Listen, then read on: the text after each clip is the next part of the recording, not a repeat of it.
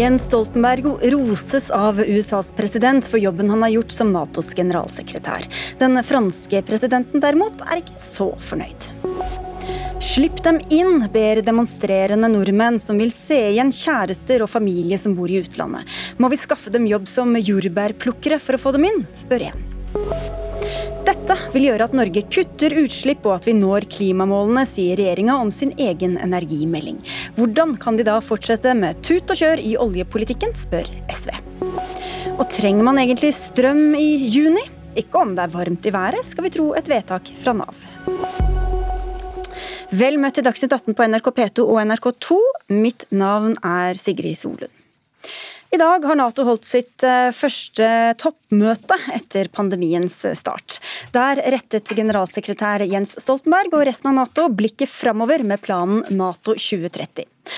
Og Stoltenberg fikk for øvrig mye skryt fra USAs president Joe Biden, som var med for første gang på et Nato-toppmøte. Og korrespondent i Brussel, Simen Ekern, du fulgte toppmøtet. Hvordan begrunnet Biden sin begeistring for Stoltenberg?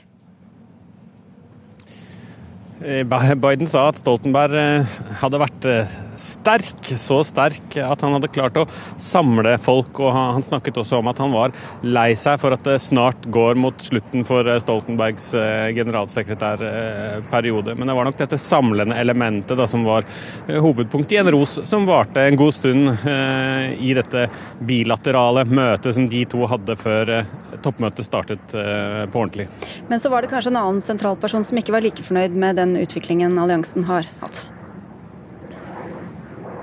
Ja, Det er jo en hel del eh, av de europeiske lederne som har vært eh, usikre på om, det er riktig å la eh, Natos blikk vendes mot Kina på den måten som det nå gjør. For dette er jo også første gang Kina nevnes som en mulig sikkerhetstrussel for Nato. Det står nå for første gang i et Nato-dokument. Og, og, i dag, da, da, lederne ankom, så, så, snakket jo Boris Johnson bl.a. om at han syntes det var viktig å passe på at man ikke skulle starte noe noen kald krig. Det samme gjorde Viktor Urban fra Ungarn. Og, og særlig da Emmanuel Macron har gjentatte ganger i, i, forkant av dette møtet sagt at han er eh, misfornøyd med, med den vektleggingen eh, Joe Biden eh, eh, står for. At han er nervøs for at dette vil øke konfliktnivået, og kanskje også bli for mye på USAs premisser. Altså at man vektlegger USAs strategiske vurderinger mer enn eh, Europa, som, som, kanskje i noen tilfeller også økonomisk er, er annerledes, da, sånn, sånn, han ser det. Men, men Stoltenberg oppsummerte da dette på den pressekonferansen som akkurat ble ferdig, med at vi har forskjellige meninger, men, men nå har vi kommet fram til sterke felles uttalelser. Så da oppfylte han vel det Joe Biden roste ham for også eh, i starten. I hans egne øyne, iallfall. Takk skal du ha, Simen Ekern. Kit Hansen Bondt, du er statsviter og generalsekretær i Den norske atlanterhavskomité. Jeg nevnte Nato 2030, som også sto sentralt på møtet. Hva er det viktigste innholdet i det dokumentet, sånn som du ser det? Ja, For det første så skal man eh, Det er et svar på når eh, Emmanuel Macron sa at Nato var hjernedødt. At man ikke hadde konsultasjoner politisk internt i Nato om hva man gjorde, de ulike allierte. Man skal styrke eh, det politiske samarbeidet. Man skal få et nytt strategisk konsept. Det sparket man i gang nå. Det er litt sånn overordnede planer for hvordan Nato skal jobbe fremover. Man ønsker å få til en økt felles finansiering av ulike prosjekter og nye ambisjoner. Eh, man skal lage en type teknologisk samarbeid og innovasjon, fordi man ser jo at Kina er en utfordrer på det teknologiske området. Og man skal styrke noe som heter altså resilience, motstandskraften i sivilsamfunnet, bl.a. Og en rekke andre forslag som i dag har blitt vedtatt. Tormod Heier, forskningsleder ved, eh, ved Stabsskolen ved Forsvarets høgskole. Du har også skrevet doktorgrad om Norges forhold til Nato. Vi hørte jo noen av disse konfliktlinjene også som Simen Ekern beskrev. Hva er Norges plass i dag i denne alliansen? Ja, Norges plass er nok det at vi først og fremst tenker på oss selv, sånn som de andre 29 medlemmene. Og vi er jo først og fremst opptatt av Russland. Og Det betyr at uh, norske myndigheter vil nok selvfølgelig være skeptiske til at Nato eventuelt begynner å dreie fokuset vekk fra nordområdene, kanskje vekk fra Europa, sågar ned mot Sør-Kina-havet og sånne ting. Det, det, tenker jeg vil eh, sette norske myndigheter under et uh, sterkt krysspress, hvor man på den ene siden ønsker å ivareta nasjonale sikkerhetsoppgaver hjemme, samtidig som man ser at man blir nødt til å være mer og mer med i denne risiko- og byrdefordelingen som Nato har, eh, kanskje også da utenfor eh, Europa. Og det blir en skvis. Men med seg inn i møtet hadde jo Erna Solberg en avtale mellom Norge og Russland om å unngå militære sammenstøt. Hva kan det potensielt også gjøre med forholdet vårt til USA, tror du? Ja, det tror jeg egentlig USA vil sette pris på. Eh, fordi USA ser seg tjent med at det ikke oppstår noen konflikter i nordområdene. For det vil i så fall bety at amerikanerne vil måtte binde mange av styrkene sine i nord, som de egentlig innerst inne trenger mye mer i Sør-Kina-havet. Og Joe Biden, som da var her for første gang på dette toppmøtet, Kate Hansen Bundt, hva, hva, tror du han kan få å si for uh, alliansen og forholdet internt mellom landene framover? Jeg tror det vi har sett de siste dagene under hans europareise, er at han er her for å gjenopprette tillit og troverdighet til et USA som står ved sine sikkerhetsgarantier for Europa. Uh, samtidig så ønsker han å skape en felles plattform med med felles oppfatninger om hva som er de viktigste truslene og utfordringene fremover. Men når det gjelder Kina, så er jo Kina en mer sikkerhetspolitisk utfordring for USA, og en konkurrent om den globale hegemoniet, for å si det sånn. Eh, for europeerne så dreier Kina seg mye mer om økonomiske samarbeidsavtaler, handel. Eh, man har jo heller ikke sagt at Nato skal seile i Sør-Kina-havet permanent. Det er jo en snakk om en felles situasjonsforståelse, hvordan trusselbildet endrer seg. Og Kina er først og fremst en utfordring på cyberområdet, påvirkningsområdet, kjøper opp infrastruktur i Europa. Derav ønsker man også å styrke finansieringen om eh, teknologiutvikling innenfor Nato. Så det, Kina pekes på som en trussel, samtidig som, da, som du var litt inne på, Norge bl.a.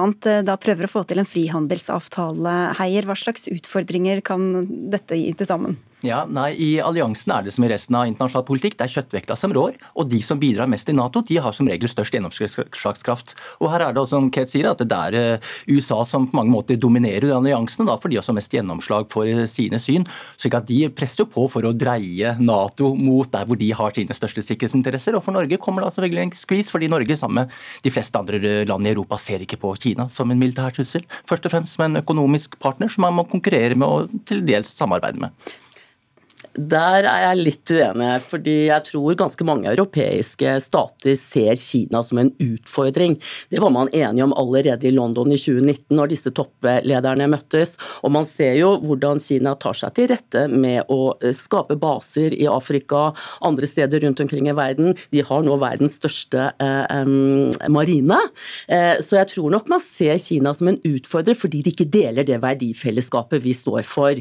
Eh, men at det er nyanser i forskjellen mellom en stormakt som USA, som seiler i eh, Sør-Kina-havet, og som har allierte som Sør-Korea, Japan, Australia, og europeerne. Selvfølgelig er det det. Og vi er mer opptatt av Russland.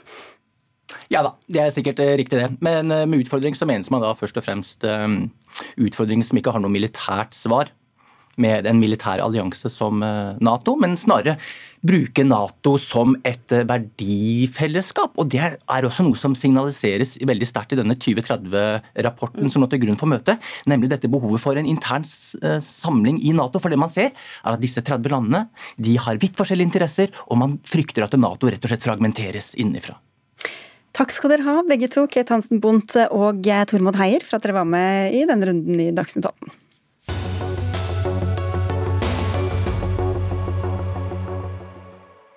Stadig flere nordmenn får stadig mer av friheten sin tilbake. Til å gå på restaurant, treffe venner, reise utenlands eller, som vi hørte i dag, bruke koronasertifikatet sitt til å gå på konsert med tusenvis av andre mennesker. Men noen føler seg fortsatt ikke sett eller hørt. Tusenvis av nordmenn lengter etter besteforeldre, barnebarn eller en kjæreste i et annet land. Dem har de ikke sett på mange måneder, for det har vært innreiseforbud, også for familier, siden januar. Gruppa som kaller seg Oss med familie eller kjæreste i utlandet under covid-19, demonstrerer i Oslo sentrum akkurat nå. Du er talsperson for dem, Rikard Flåten. Hvordan oppleves dette forbudet for dem det gjelder? Ja, Det er vanskelig. Eh, det er mange som blir overrasket når jeg sier det at eh, det er faktisk ikke bare snakk om om man skal på karantenehotell eller ikke. Grensen er altså hermetisk stengt da, for, eh, for, utlendinger som kommer for å besøke familie eller, eller kjæresten sin her i Norge. Og Sånn har det vært lenge. så Vi er en gruppe som egentlig nærmest har tryglet regjeringen om å la våre kjære komme på karantenehotell. Det skjedde altså 29.1 med bare 24 timers varsel at grensen ble helt stengt. Eh, og Da sto altså mange allerede og hadde jo planlagt eh, sine turer til Norge. Ehm, så den Gruppen her i dag da, består jo av ganske mange forskjellige typer mennesker. Det kan f.eks. være en, eh, besteforeldre som aldri har møtt barnebarnet sitt, som nå har rukket å bli halvannet år. Ehm, eller det kan være et, et par som sto i etableringsfasen, ehm, der den ene har sagt opp jobb, leilighet og sto reiseklar, men plutselig måtte legge om planene helt. Så jeg tror Det viktigste kanskje kjennetegnet her er at dette er folk som lever i uvisshet. Eh, for regjeringen nekter å si noe om når de skal åpne opp grensene igjen det er umulig å planlegge livene sine på, på, en, på den måten. da. Hvor nær relasjon må man være i eh, for at man skal kunne få lov å slippe inn i landet og sitte på dette karantenehotellet? Ja, I praksis så må du være gift. Eh, så Det holder ikke å være noens kjæreste. Eh, det holder ikke å være noens besteforeldre. Og her mener jeg at man anerkjenner ikke på en måte hvor, hvor ulike familier kan være. For en, for for en småbarnsfamilie så vil jo en besteforelder kanskje være noe av det aller viktigste som er, som kan avlaste den familien i en veldig vanskelig periode. da. Um, men det er altså nå 136 eh, dager siden eh, grensen ble stengt, og vi vet fortsatt ikke når den åpner igjen. Så uh, jeg tenker jo litt det at De som tenker på denne saken her nå, de skal liksom se for seg at den personen de er aller mest glad i, den får de ikke se før 28.10. Det er på en måte realiteten hvis vi teller 136 dager fra i dag. Så Det er et sånt tankeeksperiment som jeg tror mange bør gjøre seg. For dette her tærer på folks psykiske helse. Eh, og vi, vi, kartla jo dette her for et eh, par måneder tilbake, eh, hvor vi så at det er opptil 70 sier at de liksom lever i en følelse av håpløshet. 44% har måttet gå til lege eller psykolog. Og 21 har faktisk medisiner nå som de ikke tok før disse begrensningene kom. Fordi rett og slett de lever med mye depressive tanker og, og også angst. I dag sa jo da regjeringa at staten eh, f.eks. betaler for hurtigtester til alle som vil samles i tusentall på arrangementer, men for denne gruppa kom det ikke noen gode nyheter i dag heller. Lars Jakob Him, du er statssekretær i Justis- og beredskapsdepartementet. Hvorfor skal det være så strengt for dem som har sine nærmeste i et annet land, at dere ikke engang åpner for at de kan komme, testes og sitte ti dager på karantenehotell? Jeg har en stor forståelse for at eh, dette føles krevende. og vi har hatt veldig mange tiltak som har vært veldig krevende for mange over tid. Og vi må huske historikken her, Det er bare et par uker siden fjernet, det ble fjernet eh, veldig inngripende tiltak f.eks. i Oslo og andre byer. Og vi har hatt inngripende tiltak veldig mange steder i Norge veldig lenge. Nå er vi heldigvis i en gjenåpningsfase. og Da må vi bare passe på at vi går skrittvis og eh, kontrollert fremover. Denne uka så skal regjeringen vurdere trinn tre i gjenåpningsplanen.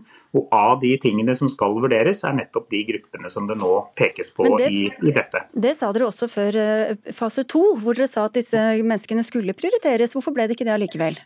Nei, Dessverre så har vi utover vinteren sett både nye opplysninger av smitte, og vi har sett nye mutasjoner. Og Da må man eh, gå forsiktig frem og sørge for at vi ikke åpner for raskt. For vi har ikke lyst til å ta tilbake igjen ting som, som har kommet opp. Men det flere ting i trinn to som vi ikke kunne gjennomføre, og noe ble utsatt eh, noe med tid.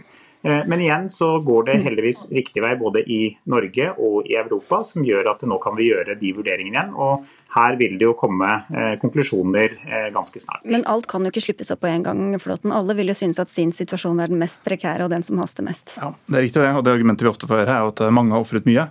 Men faktum er at denne gruppen her lever under en dobbel belastning. Så vi har jo alle de restriksjonene som folk har inne i landet. Pluss at vi i tillegg skal holdes adskilt fra dem vi kanskje hadde trengt aller mest i denne vanskelige tiden. I tillegg så ser vi at de andre nordiske landene har klart dette. De har anerkjent behovet for familiegjenforening og for å kunne se kjærestene sine. Um, likevel er det sånn at Norge skal være dårligst i klassen, uh, dårligst på kjærlighet. Det er, det er, veldig vanskelig å forstå. Um, selv om andre nordiske land også har fått til dette, her, da, så ser man f.eks. Finland og Island som har gjort det. De har jo lavere smittetrykk enn uh, Norge. I et eh, innlegg i Nettavisen tidligere år så sammenlignet du dette med uttalelser som regjeringsmedlemmer har gitt uh, om mm. sine nærmeste. Mm. Ja, Bent Høie han snakker jo jevnlig i media om hvordan han ikke hadde klart denne tiden uten uh, sin ektemann. Det er viktig å ha noen der hjemme som er der, sa han. og da blir det litt underlig når man opplever da at den retten, den skal ikke vi andre få ha.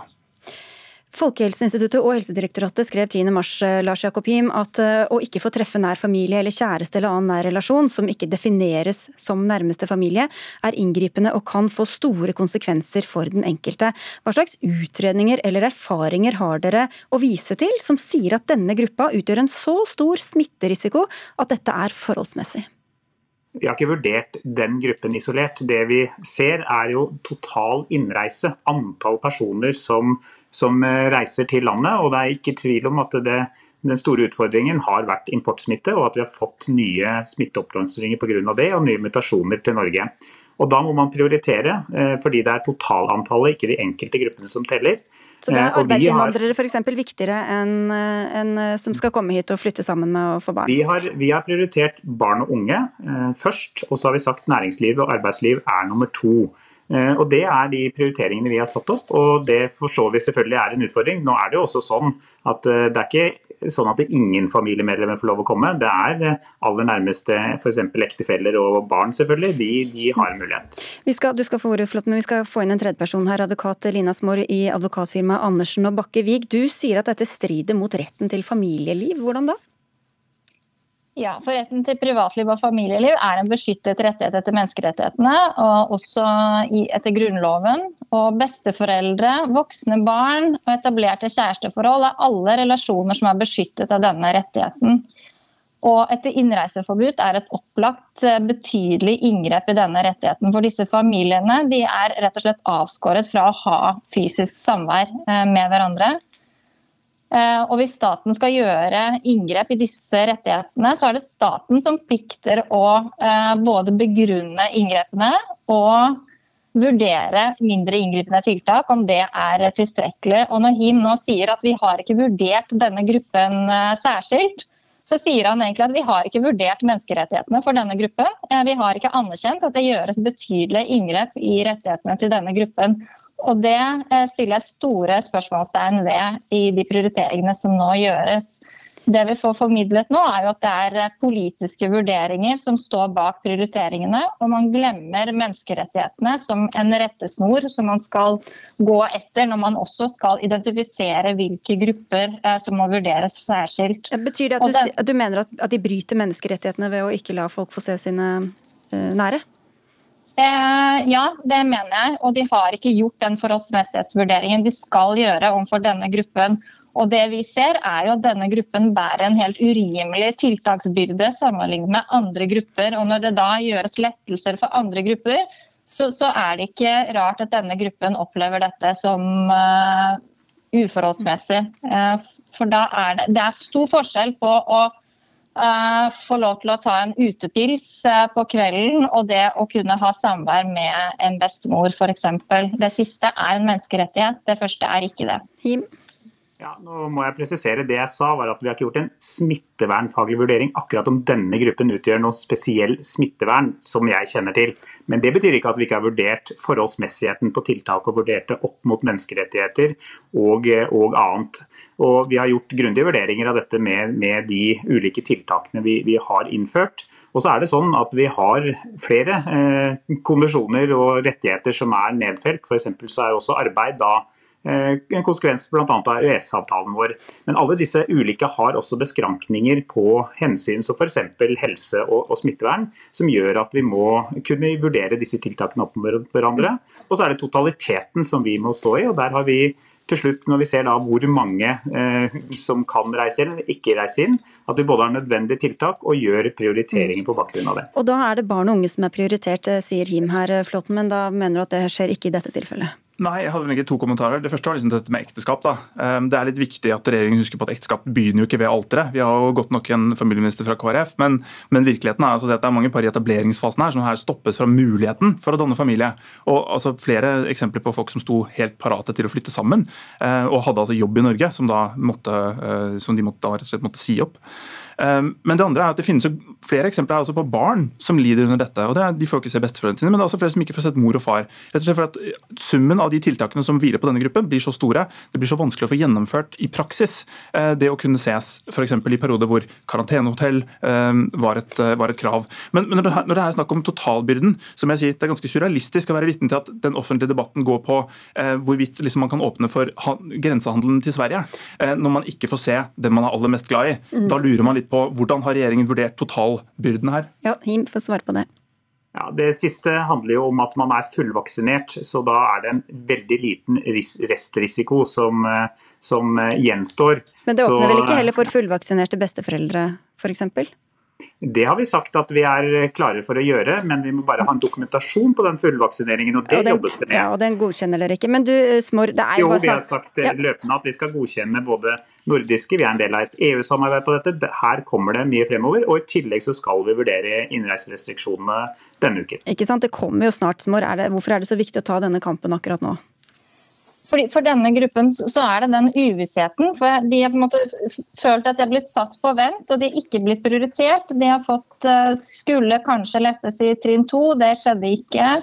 Eh, nå er det like stor usikkerhet knyttet til eh, trinn tre. Og det jeg ønsker nå på vegne av denne gruppen, er jo at denne gruppen skal bli identifisert, og at man må anerkjenne at her gjøres det betydelige inngrep i deres menneskerettigheter. og det må ha stor betydning for hvilke grupper som nå skal prioriteres eh, for lettelser.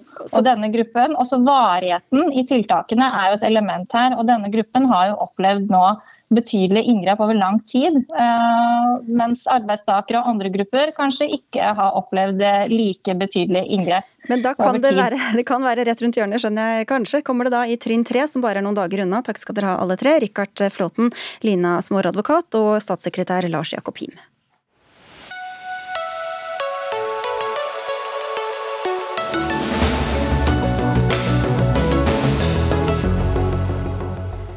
Bør norske skiløpere heve stemmen mot menneskerettighetsbrudd i Kina, hvor de skal delta i OL til vinteren? Det skal vi diskutere mot slutten av denne Dagsnytt 18-sendinga. Men nå spør vi hvordan Norge skal nå klimamålene, og med hvilken energiforsyning. Dette svarte regjeringa på rett før helgen, da den la fram det som omtales som neste kapittel i historien om energinasjonen Norge. Og olje- og energiminister Tina Bru, hva består dette neste kapittelet av? Det består av ganske mange forskjellige ting, men den stortingsmeldingen som vi nå har lagt frem, det mener jeg er den viktigste energi- og industriplanen på mange år. Den sier noe om eh, hva som skal til, og hva slags utgangspunkt vi har for å lykkes med den omstillingen som vi vet vi må gjennom.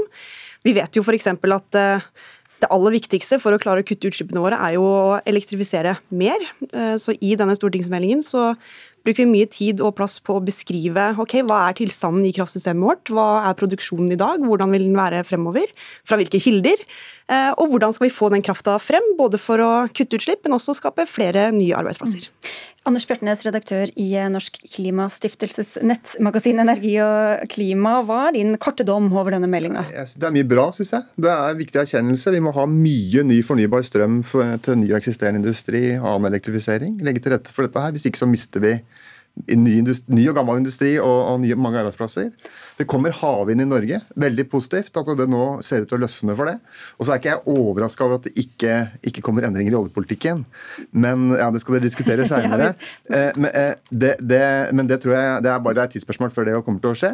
Og så tror jeg politisk at dette her er veldig, et veldig godt sånn oppspill mot tampen av, av stortingsperioden eh, til å kalle det storkoalisjon i norsk politikk. da for om Arbeiderpartiet skulle, skulle få statsministeren fra høsten av, så er dette her et opplegg som passer godt for liksom LO, NHO, Arbeiderpartiet, Høyre. De som er liksom de som egentlig bestemmer her i landet. og, og, og, det tror jeg er en viktig side, side ved, ved, dette arbeidet også. Jeg tenkte vi skulle gå litt kjapt gjennom noen av alternativene. Du nevnte hvilke energikilder, Tina Bru. Vi har sett masse gnisninger og konflikt når det gjelder vindkraft på land. Hvor stor plass ser dere for, for dere at det får i årene framover? Nå har vi jo bygd ut mye vindkraft eh, på land i Norge de siste åra. Jeg tror nok vi må forvente en mer moderat utbygging fremover. Mye også pga. den politikkinnstrammingen som kom i fjor. Eh, det kommer til å ta tid før det bygges vindkraft i samme tempo som vi har sett de siste åra. Men allikevel, den har bidratt med mye de siste åra, og det er bra. Men vi har også bygd ut veldig mye ny vannkraft eh, de samme åra. Ja, men nå tar vi vindkraften først. Ja. Anders Bjartnes, hva er fordeler og ulemper ved vindkraft på land? Ja, altså fordelen er jo det at det er den billigste nye strømproduksjonen du kan, du kan bygge ut i stor skala. Ulempen er jo naturinngrep. Og potensielt faktisk CO2-utslipp også fra noen områder. Ja, Hvis du gjør det skikkelig dårlig, der du, der du planlegger det veldig dårlig, så kan det jo være tilfellet. Men, men, det er jo liksom naturinngrepene som er, som, er, som er, problemet med det.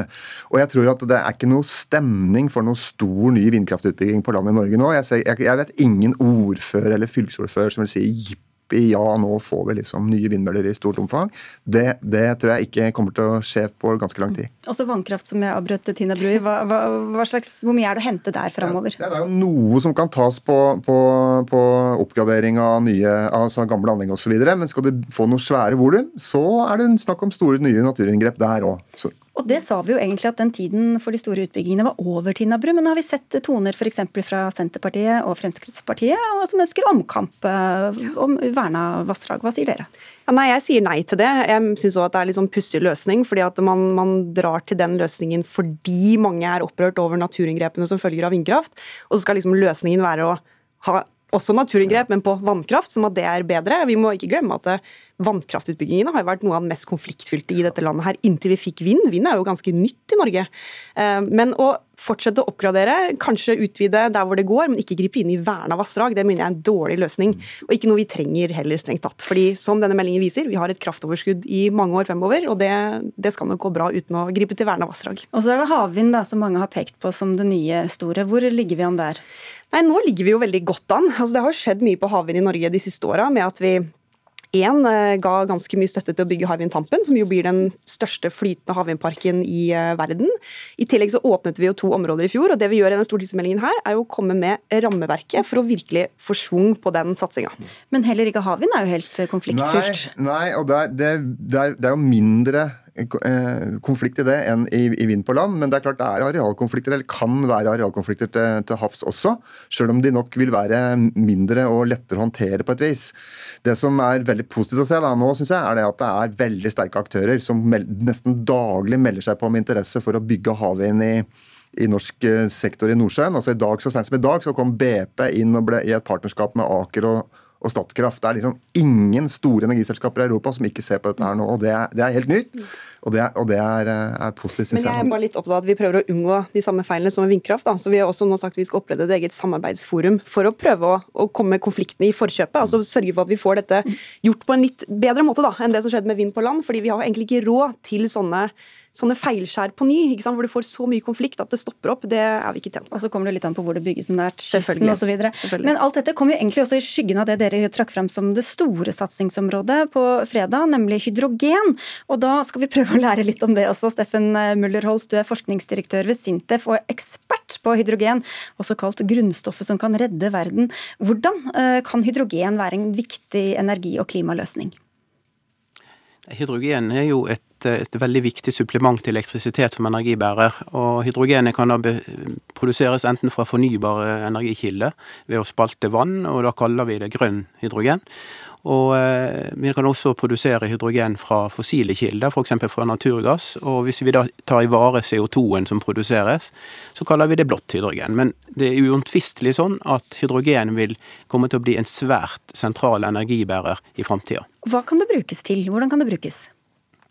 Hydrogen kan erstatte fossile innsatsfaktorer i, eh, i eh, industriproduksjon. F.eks. metallproduksjon kan bli CO2-fri på utslippssida. Man kan bruke hydrogen som drivstoff, eh, både i, til lands og til vanns og i luften med. Og ikke minst hydrogen tilfører det nye energisystemet en, en eh, ekstra frihetsgrad i form av at det egner seg som et energilagringsmedium. Så du kan, du kan lagre energi, og du kan også flytte energi i tid og rom hvis du eh, benytter deg av hydrogen. Men hvor moden er den teknologien til å brukes i stor skala? Nå er det sånn at hydrogenteknologi er mange teknologier. Noen eh, teknologier er klar for utrulling allerede nå, og andre trenger noe mer eh, teknologiutvikling før de er klare for markedet. Men det som er viktig for norsk industri nå, er nettopp at vi får til en oppskalering som er den viktigste faktoren for å få ned kostnadene for de teknologiene som allerede er modne for markedet. Tina Bru, eh, vi hørte litt ulike bruk og litt ulikt hvor grønn den kan være. Hvordan skal hydrogen brukes i Norge, sånn som dere ser for dere?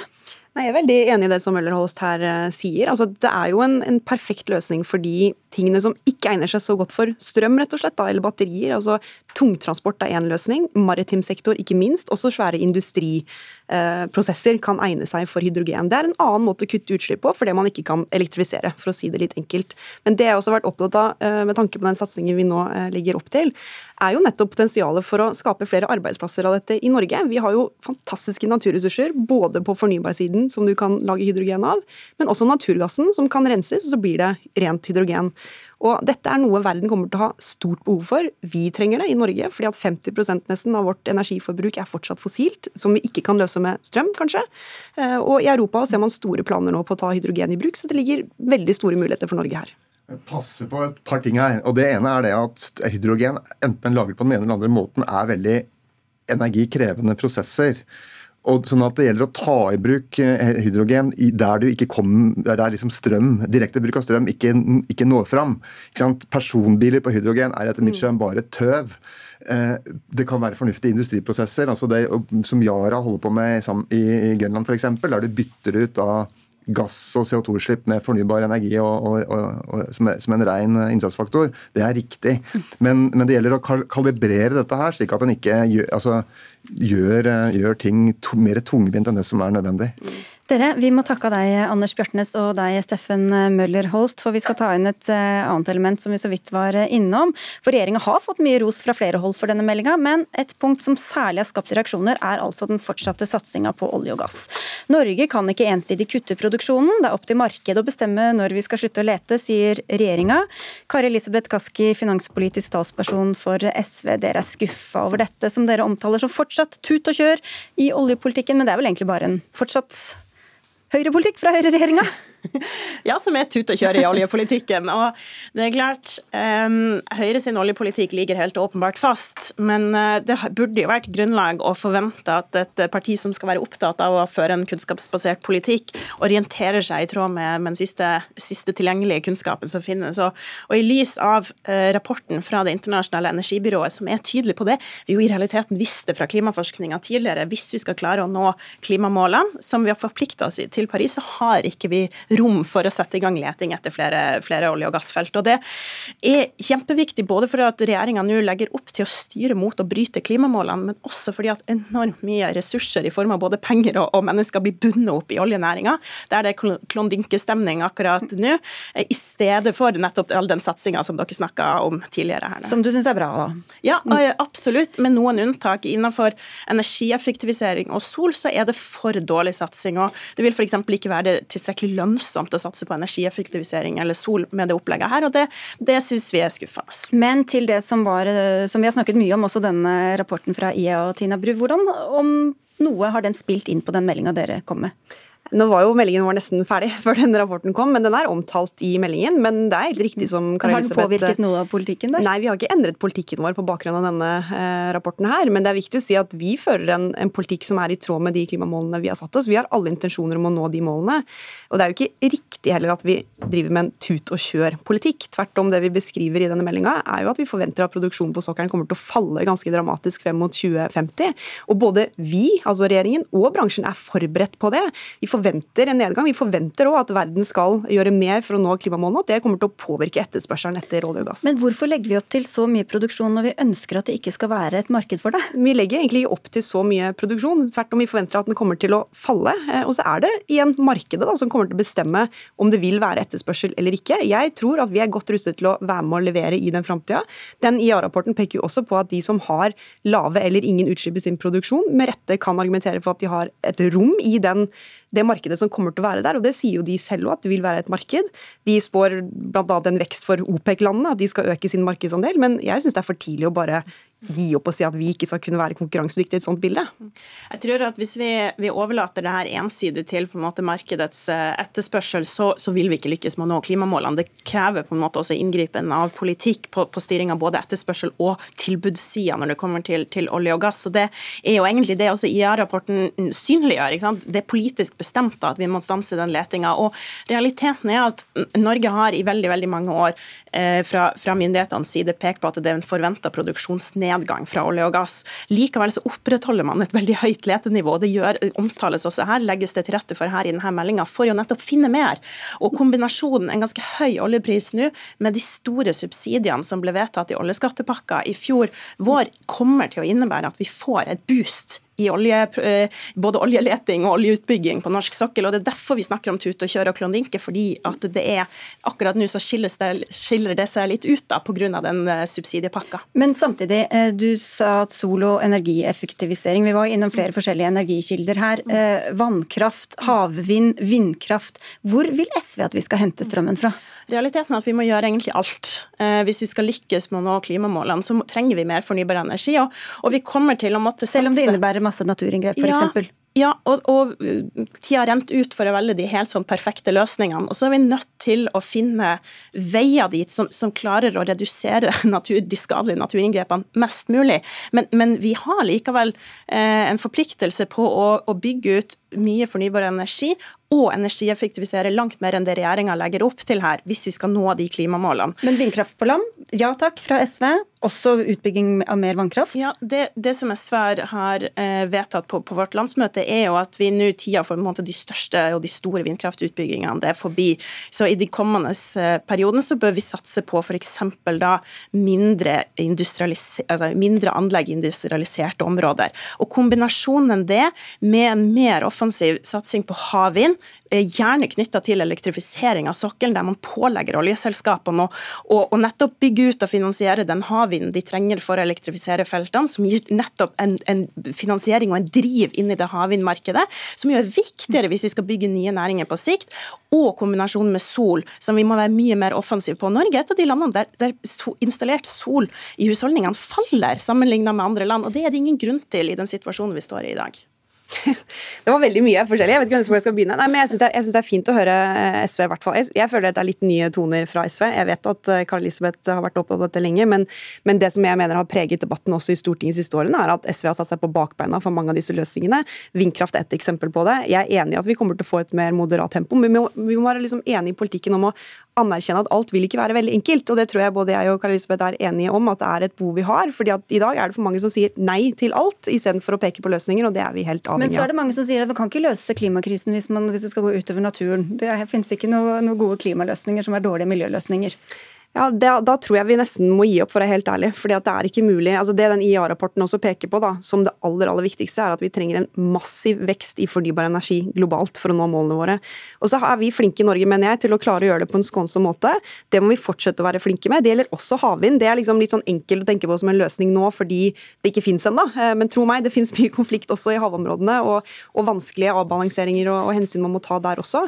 Men vi er liksom nødt til å være enige om at skal vi komme en vei, så må vi faktisk si ja til litt ting òg, ikke bare nei. Ja, jeg, er helt enig i det, men derfor så etterlyser vi nettopp den større satsinga på sol, som vi vet er kanskje det minst konfliktfylte her. Og så må vi jo da også ta vare på naturen og forplikte oss til mer naturvern på andre områder også, ikke sant? Men sol vil ikke klare å ta unna på en måte det svære behovet vi har da, Nei, på bl.a. effekt osv. Det er en kjempeviktig del av det, og, og, og dere bremser solsatsinga. Og det, det, det, er, det syns vi er synd. Og nettopp i den tanken om at vi må ha litt av alt på fornybar energi, så, så trenger vi det, men det trengs ikke i kombinasjon med så mye olje som regjeringa legger opp til opp til bedre ordninger for sol også, så det er ikke helt riktig at ikke vi satser på det. Jeg tror vi må ta en egen soldebatt en dag veldig snart. Og så sier vi tusen takk til dere begge, Tina Bru og Kari Elisabeth Kaski, i denne runden.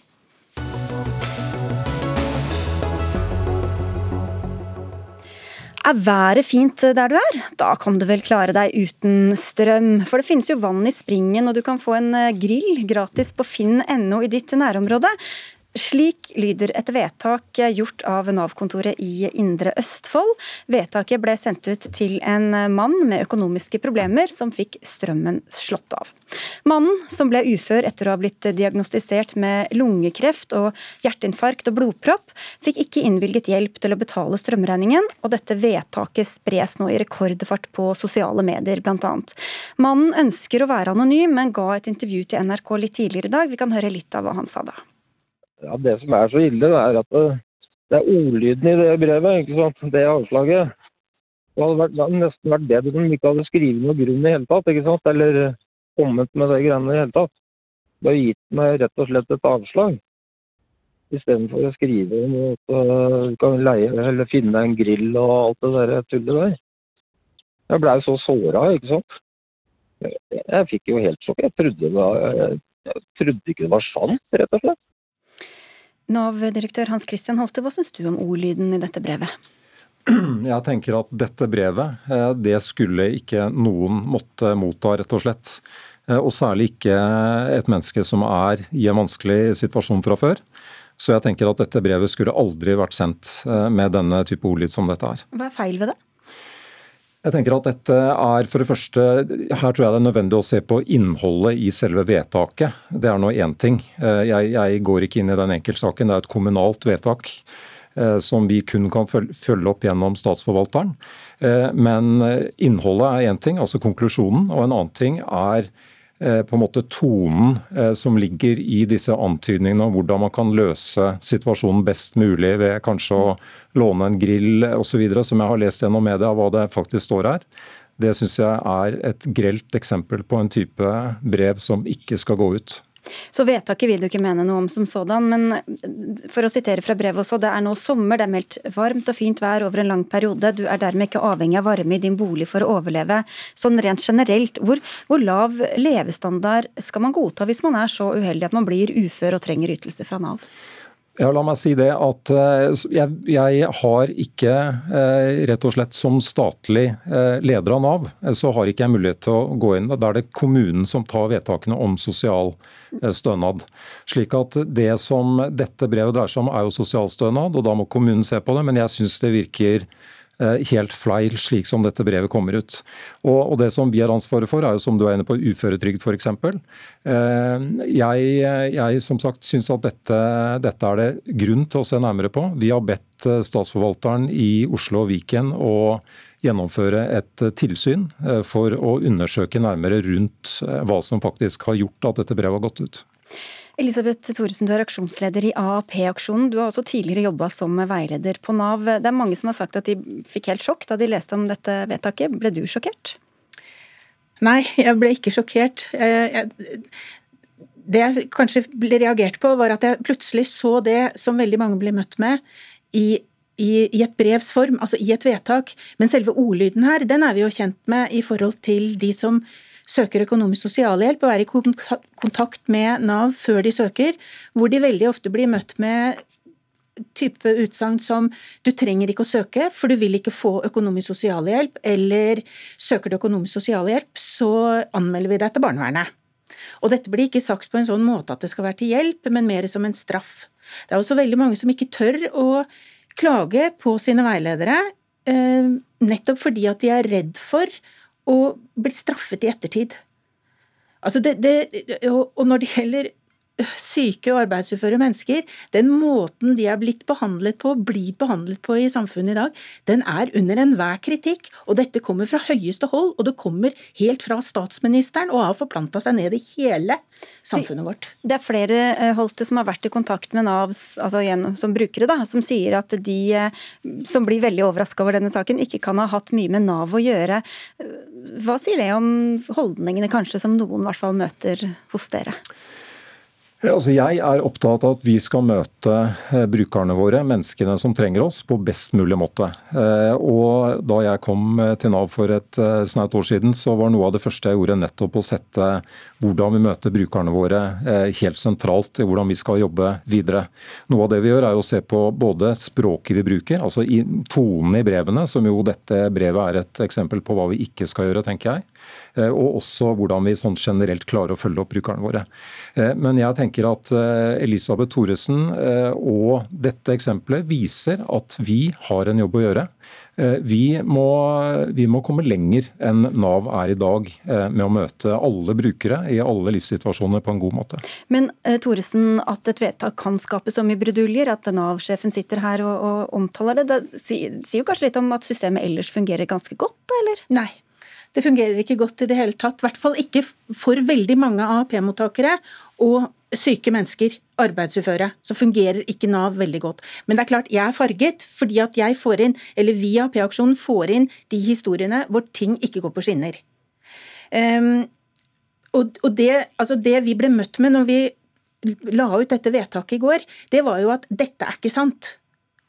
Dette er ikke sant, dette er et fake ja, det var vedtak. Mange medier gikk inn og faktasjekka om dette ja. kunne stemme eller ikke. Og, og, det er det vi også blir møtt med når vi går ut og forteller historiene til syke og arbeidsuføre mennesker som mister alt av inntekten sin.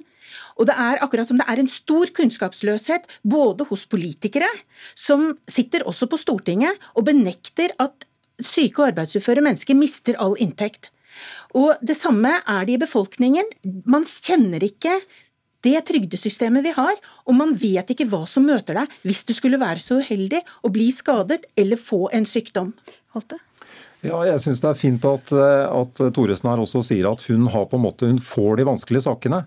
Eh, og, at bildet sånn sett er sammensatt. Eh, og det, det, tror jeg også at det er. Eh, men jeg syns det er vel verdt å lytte til Thoresen og det hun sier. Altså Jeg tror hun representerer en viktig stemme for oss.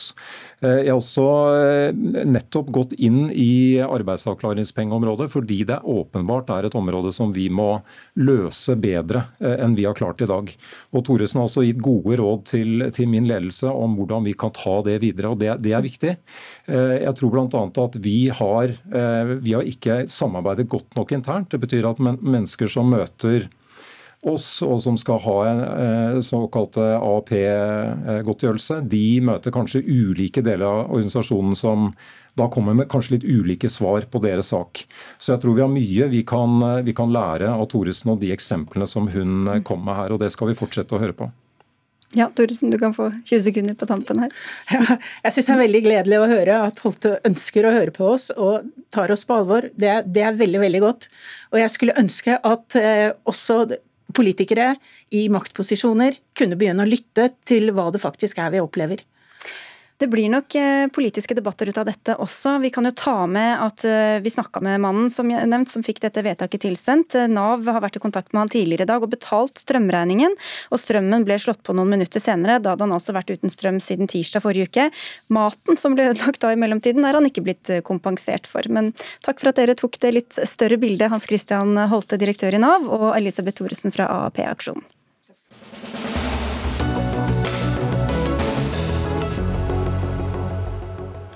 Den vakte oppmerksomhet, eh, det norske fotballherrelandslagets markering mot menneskerettighetssituasjonen i Qatar.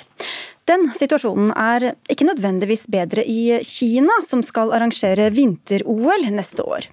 Sist uke ble norske langrennsløpere og ledere spurt av NRK om hvordan de ser på menneskerettighetsbruddene der.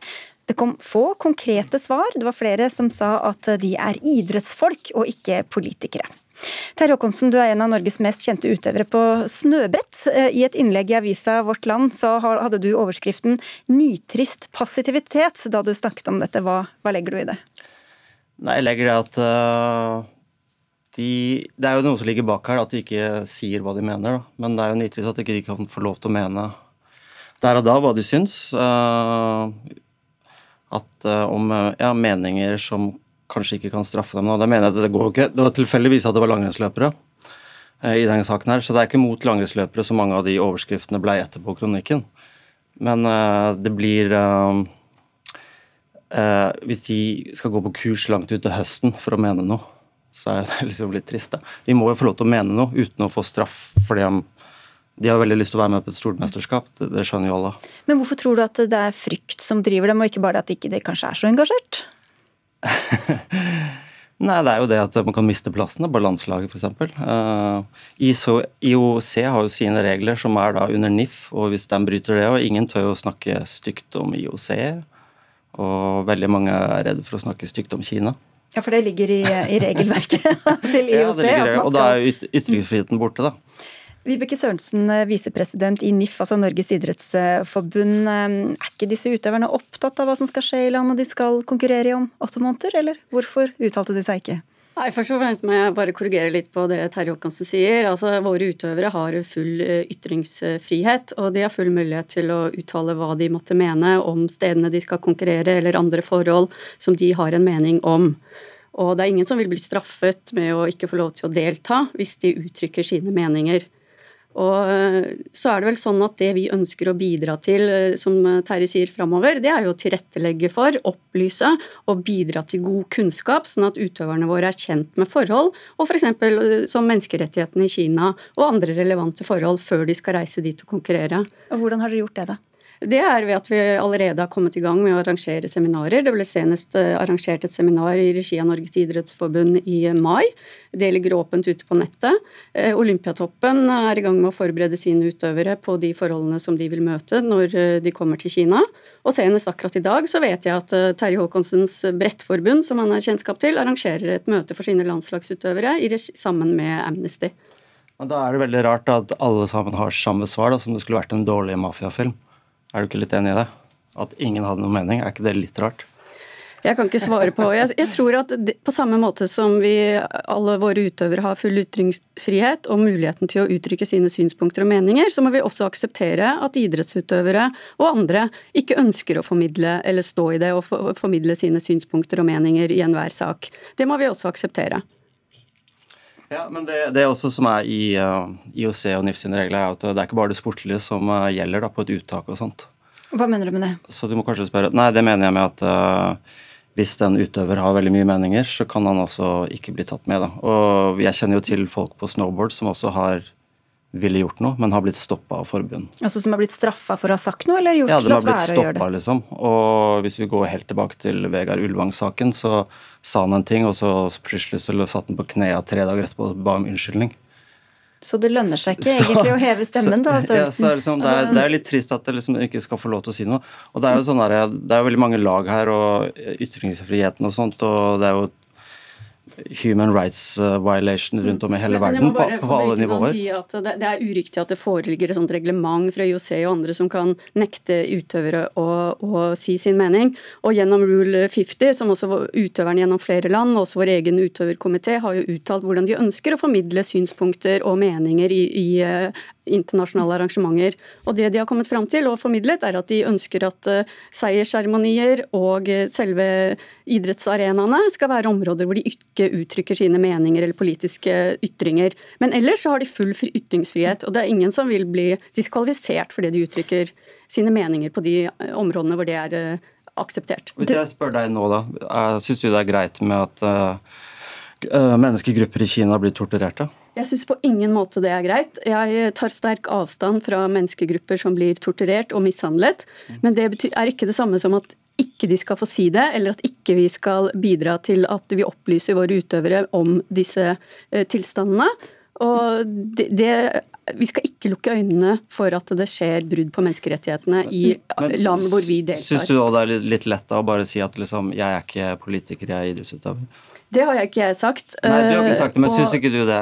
Jeg, jeg, tror det blir vanskelig framover å, å, fullstendig skille idrett og politikk. og Derfor ønsker vi også å bidra til at våre utøvere er godt opplyste i forhold til de stedene de skal delta i. Vi skal bare få med deg også, Jon Peder Egenes, du er generalsekretær i nevnte Amnesty International Norge. og Dere applauderer Håkonsens utspill. Hvorfor er det viktig hva sportsutøvere sier om eh, politikk? Jo, Det er viktig av flere grunner. For det første så er det jo enorme forbilder, sånn at eh, folk legger merke til hva de, uh, hva de sier. Og um, Vi er jo opptatt av at stater som Kina bruker disse arrangementene for å sportsvaske seg og, og på en måte vaske bort uh, historiene om alle de overgrepene de begår.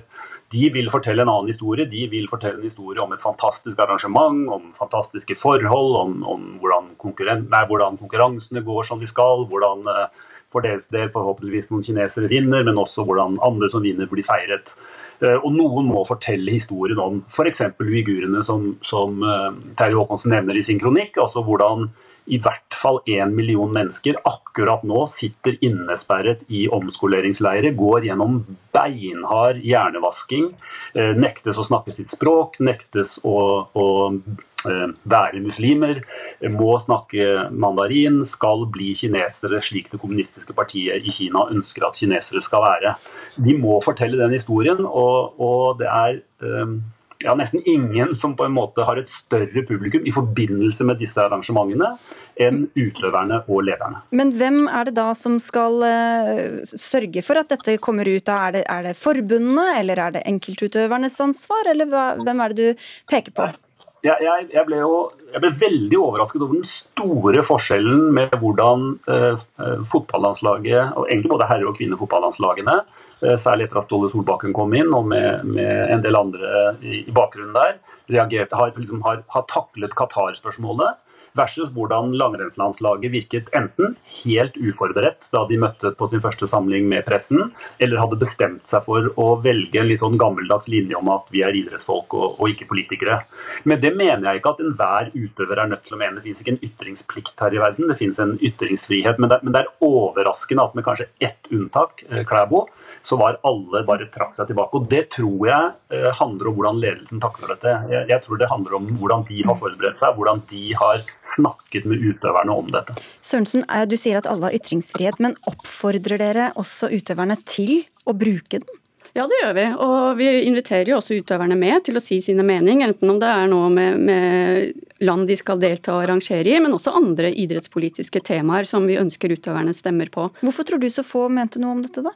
Jeg tror de syns det er et eh, vanskelig tema. Det kan selvfølgelig ikke svare for alle det, men det er et vanskelig tema. Jeg tror de ønsker å ha kunnskap om, om det de svarer opp, og det skal vi bidra til at de får. Det kan ikke være vanskelig å mene at Du svarte jo med en gang. Jeg spurte deg om det. Det er ikke så vanskelig tema. Nei, men Vi må også akseptere at uh, man har ulike fokus, man har ulike standpunkter og ulike måter å, å formidle det på. Uh, og det skal vi bidra til at våre utøvere i hvert fall har den kunnskapen de trenger for å kunne uttale seg hvis de, hvis de ønsker det. Nå ber Amnesty om veldig lite. Da. De ber bare om å, å, å ta opp en hals. Jeg tok med en T-skjorte til deg og sjefene der oppe. Human rights, så står det på den. Så på den, Og så er det en bra quote på baksiden av Albert Einstein, som uh, vi må ha med. Den var litt lang. ja, vi tar den, da. The world is a dangerous place, not because those who are evil, but because those who look and go on and do nothing. Albert Einstein. Mm. Ja, Einstein var en klok mann, og vi skal ta med oss hans påstander både her og på andre områder videre. Nå får du med deg to T-skjorter også, men ingen av dere vil ha boikott, eh, Håkonsen? Eller det var ingen som ba om boikotting, og det var ingen som liksom gikk mot langrennsløp. Det var bare tilfeldig at de langrennsløperne var liksom satt i spissen. Men uh, folk burde liksom ta litt, liksom, ha litt pride og ha litt uh, verdier, liksom. Nå er det mange lag her, og vi kan sitte her og arrestere hverandre på, over bordet. Eller som jeg, mesteparten av klærne mine er lagd i Kina, f.eks. Eh, sånne ting. Så, men eh, det er jo veldig viktige saker her, da, og litt større saker. Det er helt enig og Jeg kan i hvert fall love at vi fra Idrettsforbundets ståsted skal bidra til å utvikle og hjelpe våre utøvere til å ha gode, god kunnskap om eh, det de skal mene om. Så får vi se om vi ser noen eh, avbildet i disse T-skjortene. Takk skal du ha, eh, Terje Håkonsen, og takk til deg, Vibeke Sørensen fra Norges idrettsforbund, og til Jon Peder Regenes fra Amnesty International Norge. Det var det vi rakk i dagens utgave av Dagsnytt 18. Det var Fredrik Lauritzen som hadde ansvaret for innholdet i den. Hilde Tosterud dro i gang det tekniske tekniske og dro i land det tekniske. Og mitt navn er Sigrid Solund. Takk for oss.